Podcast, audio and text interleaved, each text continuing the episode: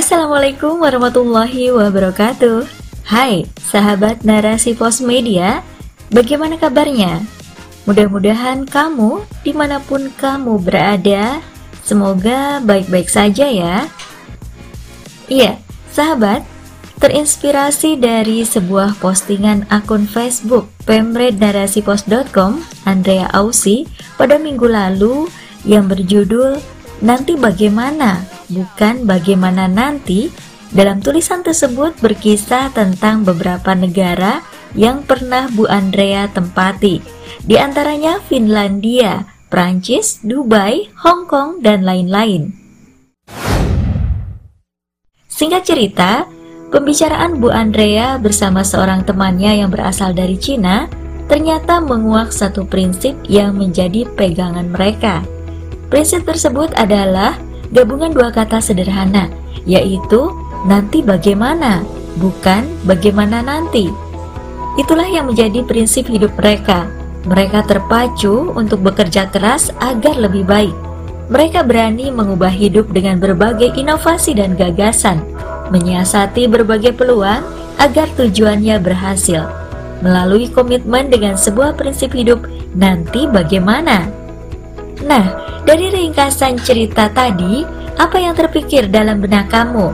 Bukankah biasanya dalam kehidupan sehari-hari kita sering mendengar bagaimana nanti saja? Setiap urusan dan risiko yang akan ditanggung dari sebuah keputusan dikunci dengan sebuah kalimat sederhana bagaimana nanti saja. Artinya, apa pun yang terjadi mengikuti arus apa adanya. Pasrah menerima, tak perlu bersusah payah membuat terobosan-terobosan baru untuk meninggalkan zona aman. Waktu berlalu tanpa ada perubahan yang berarti, apalagi karya dan inovasi. Apakah hal ini terjadi pada sebagian masyarakat? Atau kamu sendiri pernah mengalami?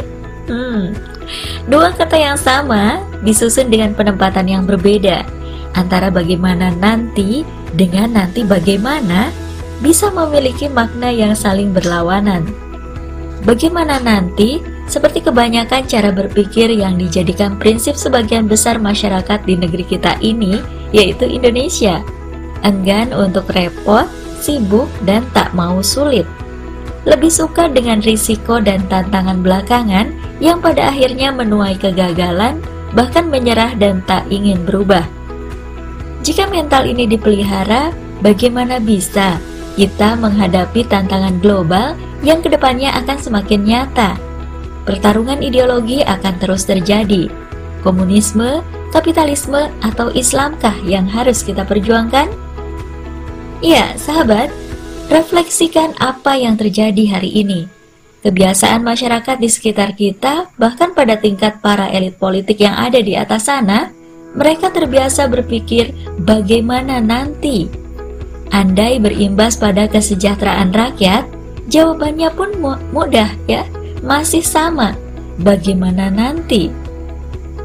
Bisa jadi setiap keputusan dibuat tanpa pertimbangan benar atau salah baik atau buruk dalam timbangan syariat. Andai terjadi akibat terburuk sebagai risiko keputusan yang mereka ambil, maka akan dipikirkan belakangan. Sadar atau tidak, kebiasaan telah menyandera kita.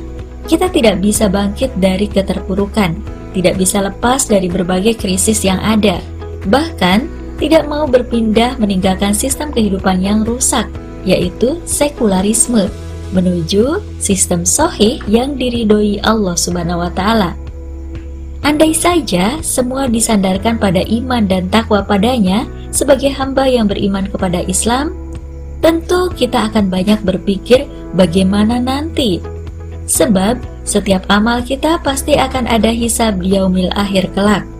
Islam tidak membiarkan kita berbuat sesuka hati walau sekejap. Ingat bahwa Rasulullah adalah teladan dan pembawa risalah. Beliau tetap memikirkan kita, umatnya, di akhir ajal menjemputnya. Ummati, ummati, itulah yang beliau pikirkan. Lantas, bagaimanakah nasib umatnya sepeninggal baginda Nabi? Nanti bagaimana adalah tentang masalah visi ke depan, visi mulia yang ada di pundak setiap muslim. Untuk itu, saatnya kita mengubah sketsa berpikir. Pertanyaan seperti, nanti bagaimana jika diri kita tidak mendekat taat pada Allah? Nanti bagaimana ketika kita tidak punya ilmu agama dalam beramal? Nanti bagaimana kelak ketika ditanya saat memasuki alam barzah? Dan nanti bagaimana pula ketika di akhirat kita dihisab dan seterusnya. Nanti bagaimana dan bagaimana. Umat Islam dan agama ini sedang demonstrisasi dengan rekayasa pemikiran-pemikiran menyesatkan. Menghadapi ini semua, hal yang harus dilakukan untuk menghilangkannya tak lain hanya dengan aktivitas dakwah.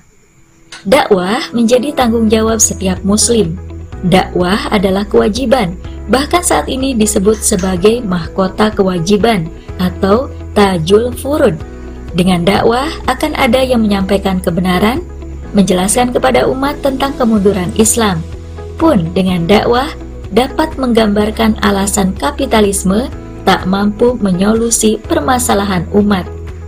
Ketika kita mempunyai kerangka berpikir nanti bagaimana, seharusnya tercetus dalam benak kita bagaimana jika umat ini terus tersandera dalam sistem kapitalisme dan nanti bagaimana ketika tak ada dakwah di tengah-tengah mereka Berpikirlah tentang penciptaan manusia.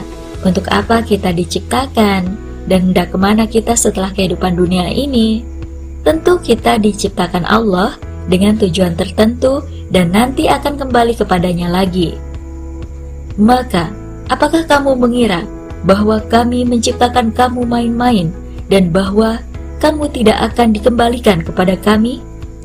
Quran Surat Al-Mu'minun ayat 115 Wahai orang-orang yang beriman, bertakwalah kepada Allah dan hendaklah setiap orang memperhatikan apa yang telah diperbuatnya untuk hari esok dan bertakwalah kepada Allah. Sungguh, Allah maha teliti terhadap apa yang kamu kerjakan.